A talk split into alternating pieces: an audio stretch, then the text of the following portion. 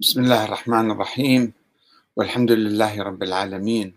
والصلاة والسلام على محمد وآله الطيبين. ثم السلام عليكم أيها الأخوة الكرام ورحمة الله وبركاته. لولا امتناع الإمام علي عن منافسة أبي بكر لما استقر نظامه السياسي. بحثنا في حلقة سابقة عن أسلوب تعامل النبي الأكرم محمد صلى الله عليه وآله وسلم مع ملوك زمانه من العرب وغير العرب وإبقائهم في مكانتهم ودعوتهم إلى قبول الإسلام وعدم منافستهم آه، على السلطة. آه، هذا الأسلوب آه، يدل على أنه النبي الأكرم على أن النبي الأكرم لم يكن بصدد تغيير الأنظمة السياسية القائمة.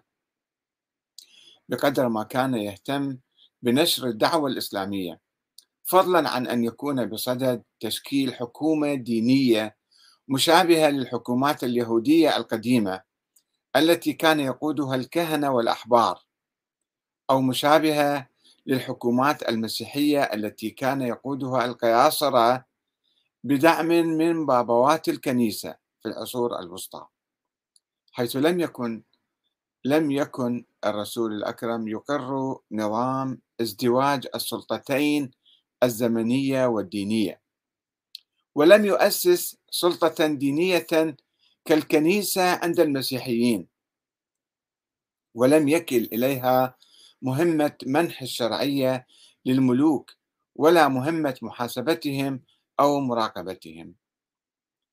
وخلافا لعادة ملوك ورؤساء القبائل في تلك الأيام بتوريث الحكم والخلافة إلى أبنائهم وأهل بيتهم فإن النبي محمد صلى الله عليه وآله وسلم لم يعين أحدا خليفة من بعده خلافا لما يقوله الشيعة الإمامية والسنة البكرية.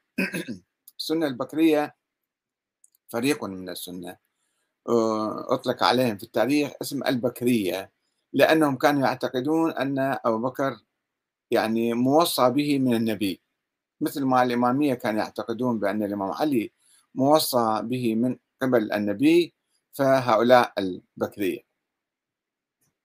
فإذا النبي لم يعين أحدا خليفة من بعده خلافا لما يقوله الشيعة الإمامية والسنة البكرية. لا من أهل بيته ولا من أصحابه. ولم يضع دستورا للحكم من بعده. ولم يتحدث عن أسلوب تداول السلطة وطريقة انتخاب الحاكم أو صلاحيات هذا الحاكم. ولا على تفاصيل العلاقة بين الحاكم والمحكوم. كما لم يؤسس النبي مجلسا للشورى يضمن انتقال السلطة بعده بشكل آلي لمن نريد كما فعل مثلا عمر بن الخطاب. وإنما أعطى الأمة كلها الحق بإقامة نظامها السياسي المدني وأوكل إليها مهمة مراقبة ذلك النظام وأولئك الحكام ومحاسبتهم وتغييرهم. وهذا ما يفسر الغموض والارتباك الذي اعترى المسلمين في عملية اختيار الإمام الأول بعد وفاة الرسول صلى الله عليه وآله. وحدوث بعض الإشكاليات التي اعترت عملية انتخاب أبي بكر. حيث لم تكن دائرة الشورى التي تنتخب الإمام واضحة تماما. وهل تضم المهاجرين والأنصار؟ أم تقتصر على المهاجرين أو على قريش عموما؟ كما لم يكن واضحا أيضا من هي الفئة التي يحق لها الترشح للإمامة؟ وهل هي مقتصرة على المهاجرين من قريش أم تشمل الأنصار وبقية الصحابة ممن أسلم بعد الفتح؟ إضافة إلى غموض نقاط دستورية أخرى سوف يبتلى بها المسلمون في المستقبل. ويمكن القول أيضا آه، أن الرسول صلى الله عليه وآله ترك المسلمين في حالة الطبيعة أحرارا متساوين دعاهم إلى التزام العدل وحثهم على عمل الخير وعلمهم ممارسة الشورى والأمر بالمعروف والنهي عن المنكر. وقد أدرك الصحابة رضي الله عنهم بعقولهم ضرورة إقامة إقامة خليفة لرسول الله لينفذ الشريعة الإسلامية وينجز المهام السياسية والعسكرية التي تركها الرسول ولذلك بادروا إلى الاجتماع في سقيفة بني ساعدة واختاروا أبا بكر كأول خليفة للمسلمين. ولا يوجد أي نص من الخلفاء الراشدين على كون الخطوة التي أقدموا عليها بإقامة الخلافة أنها قائمة على أساس الدين أو السمع يعني بناء على حديث معين. ولذلك قال النجدات من الخوارج والأصم والفوطي من المعتزلة بأن الإمامة غير واجبة في الشرع وجوبا لو امتنعت الأمة عن ذلك استحقوا اللوم والعقاب. بل هي مبنية على معاملات الناس فإن تعادلوا يعني تعاملوا بالعدل يعني فإن تعادلوا وتعاونوا وتناصروا على البر والتقوى استغنوا عن الإمام. وأن الإمامة مبنية على معاملات الناس. فلو تعاونوا على البر والتقوى أصبحوا في غير حاجة إلى إمام. لأن المجتهدين من المسلمين متساوون والناس جميعا كأسنان المشط. فالله سبحانه وتعالى لم يعين أحدا رئيسا عليهم. وقالوا بأن الإمامة غير واجبة في الشرع. في الدين مو واجبة. إنما في العقل والعرف إلا أن الناس لو احتاجوا لمن يجمع شملهم ويقوم بحماية الإسلام فيجوز لهم أن ينصبوا إماما باجتهادهم. نأتي إلى سقيفة بني سعد. إذا فقد بادر زعماء الأنصار من الأوس والخزرج بعد وفاة رسول الله صلى الله عليه وآله إلى عقد جلسة خاصة في سقيفة بني ساعدة للتباحث بشأن إقامة سلطة جديدة في المدينة على أساس طبيعي قبلي. أسوة بالحكومات الملكية العربية التي أقرها الرسول في مختلف أطراف الجزيرة العربية. ولم يكن يدور في خلدهم أنهم يسعون إلى إقامة نظام حكم ديني خاص أو نظام شامل لجميع المسلمين وكان الأوس والخزرج قبيل ظهور الدعوة الإسلامية يكادون يتوجون زعيمهم عبد الله بن أبي بن سلول ملكا عليهم. ولكن مجيء الرسول إلى المدينة أعاق عملية تتويجه وبناء دولتهم الخاصة. وعندما بادر الأنصار إلى الاجتماع في سقيفة بني ساعدة للتداول بشأن انتخاب زعيم جديد شعر بقية المهاجرين وبالذات زعمائهم يعني أبو بكر وعمر وأبو عبيدة بن الجراح أنهم يعني الأنصار أن الأنصار سينشئون سلطة جديدة تحل محل الرسول وتفرش ظلالها على مكة والمدينة وأن مرشح الأنصار سيكون في نفس الوقت زعيما للمهاجرين. وكان زعيم الخزرج يومئذ سعد بن عبادة. هو المرشح الأوفر حظا لتولي الخلافة. في الوقت الذي لم تكن فيه مسألة الزعامة واضحة ولا متفقا عليها بين المهاجرين والأنصار. ولذلك بادر زعماء المهاجرين يعني أبو بكر وعمر وأبو عبيدة إلى المشاركة في اجتماع السقيفة رغم عدم دعوتهم ورغم عدم انتمائهم إلى بيت الزعامة في قريش يعني بني عبد مناف. اللي هم بني أمية وبني هاشم إلا أن تاريخهم الطويل مع الرسول ومكانتهم منه أهلتهم للدخول في السقيفة ومحاورة زعماء الأنصار. وبينما كان الأوس والخزرج يتداولون بشأن انتخاب زعيم جديد لهم من بينهم وحدهم تدخل أبو بكر وطالب بأن تكون الزعامة في المهاجرين وقدم حججه من أجل ذلك. واقترح لهذا المنصب عمر أو أبا عبيدة. ولكن هذين الصحابيين المهاجرين أصرا على ترشيح أبي بكر. فاقترح الأنصار أن يتم تقاسم السلطة أو تداولها بشكل دوري بين المهاجرين والأنصار. مرة يكون الزعيم من المهاجرين ومرة من الأنصار. ولكن المهاجرين رفضوا هذا الاقتراح. وحاول أبو بكر أن يطمئن الأنصار ويقدم حلا آخر بضمان دور الوزارة لهم للأنصار. قائلا ليس بعد المهاجرين الأولين أحد عندنا بمنزلتكم فنحن الأمراء وأنتم الوزراء. لا نفتات دونكم بمشورة ولا تنقضي دونكم الأمور. يعني هذا أول محاولة لكتابة دستور يعني. بينهم. ومع ذلك لم يعجب هذا العرض بعض الأنصار كالحباب بن المنذر الذي قام فقال يا معشر الأنصار املكوا عليكم أيديكم فإن فإنما الناس في فيئكم يعني يقصد المهاجرين فإنما الناس في فيئكم وظلالكم ولن يجير مجير على آه، خلافكم ولم يصدر الناس إلا عن رأيكم فأنتم أعظم الناس نصيبا في هذا الأمر. أنتم أقوى يعني في المدينة. وإن أبى القوم فمنا أمير ومنهم أمير. خلينا ننفصل يعني. وكان اقتراحه هذا يعني تقسيم الدولة الإسلامية الناشئة إلى دولتين واحدة للأنصار في المدينة وأخرى للمهاجرين في مكة. إلا أن عمر بن الخطاب الذي كان يحرص على وحدة الدولة الإسلامية وعلى قيادتها لبقية الممالك العربية الإسلامية رفض هذا الاقتراح قائلا هيهات لا يجتمع سيفان في غمد واحد. إنه والله لا يرضى العرب أن تؤمركم ونبيها من غيركم.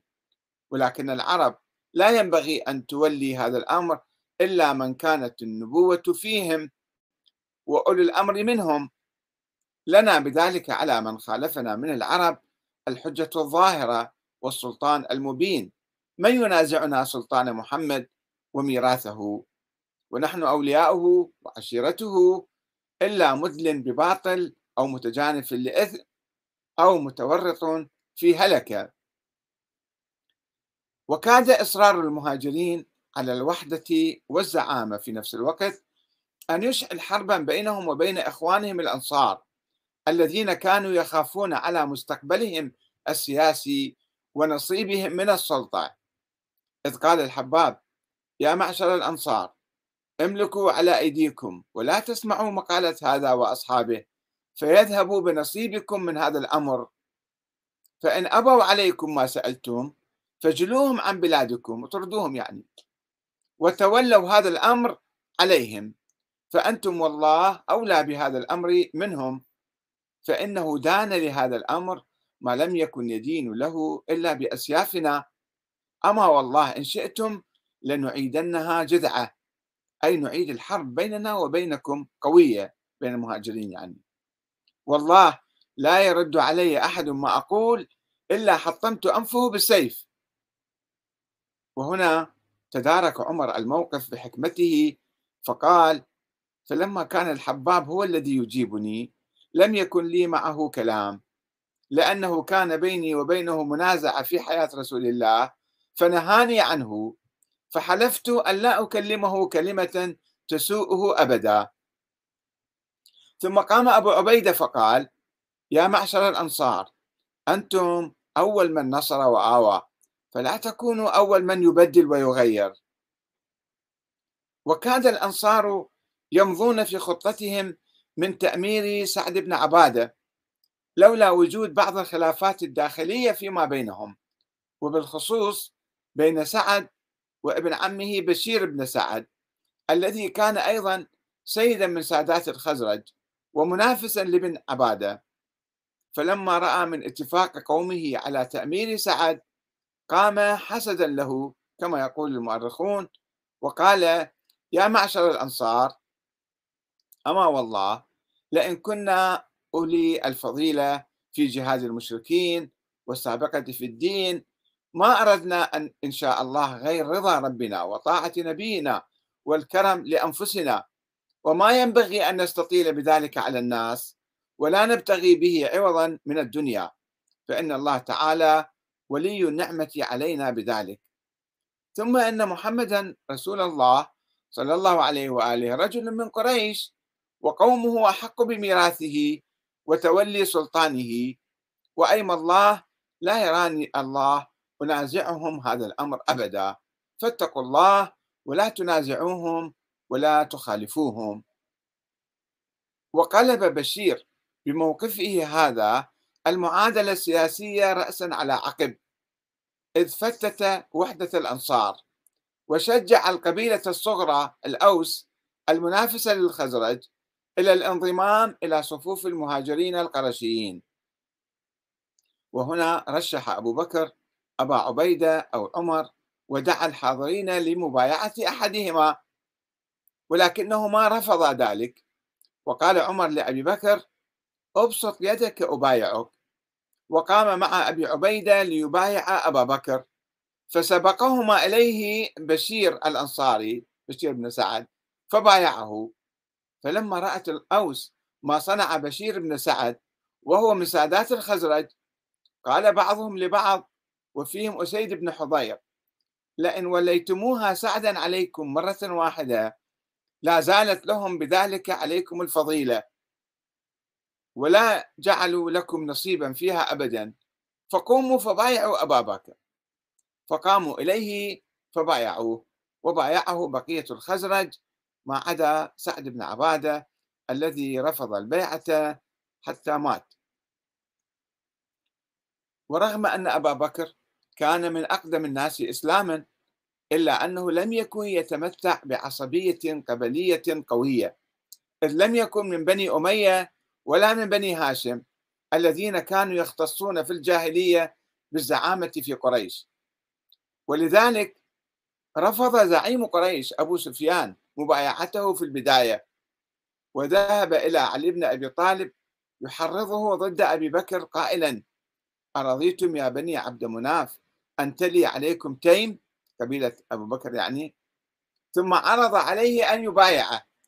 أمدد يدك أبايعك فلأملأنها خيلا ورجلا. وأيده في ذلك العباس بن عبد المطلب عم النبي الذي قال لعلي امدد يدك أبايعك وآتيك بهذا الشيخ من قريش يعني أبو سفيان. فيقال عم رسول الله بايع ابن عمه فلا يختلف عليك من قريش اثنان والناس تبعا لقريش. ولكن الإمام علي رفض الاستجابة لهما. دون أن يخفي امتعاضه من بيعة أبي بكر في البداية. ويبدو من خلال قول العباس لعلي الذي يتضمن تحليلا للواقع السياسي وتنويها بدور قريش وبني عبد مناف أن سيطرة أبي بكر على الأمور لم تتم ببيعة السقيفة إذ لم يحظى بصوت الأكثرية من المسلمين في أول يوم ولا الأكثرية من قريش وإنما بقيت بيعته معلقة حتى بايعه بنو هاشم وبنو أمية وبنو زهرة. ولو كان آه، الإمام علي قد استجاب لدعوة العباس. وأبي سفيان لكان قلب الأمر على أبي بكر والأنصار لأنه كان يحظى بأكبر وأقوى الأصوات ولكنه أحجم عن المنافسة وانسحب من أمام أبي بكر خوفا من إحداث شقاق جديد بين المهاجرين أو بينهم وبين الأنصار وفتح بذلك الباب أمام استقرار نظام أبي بكر. رضي الله عنهم جميعا. والسلام عليكم ورحمة الله وبركاته.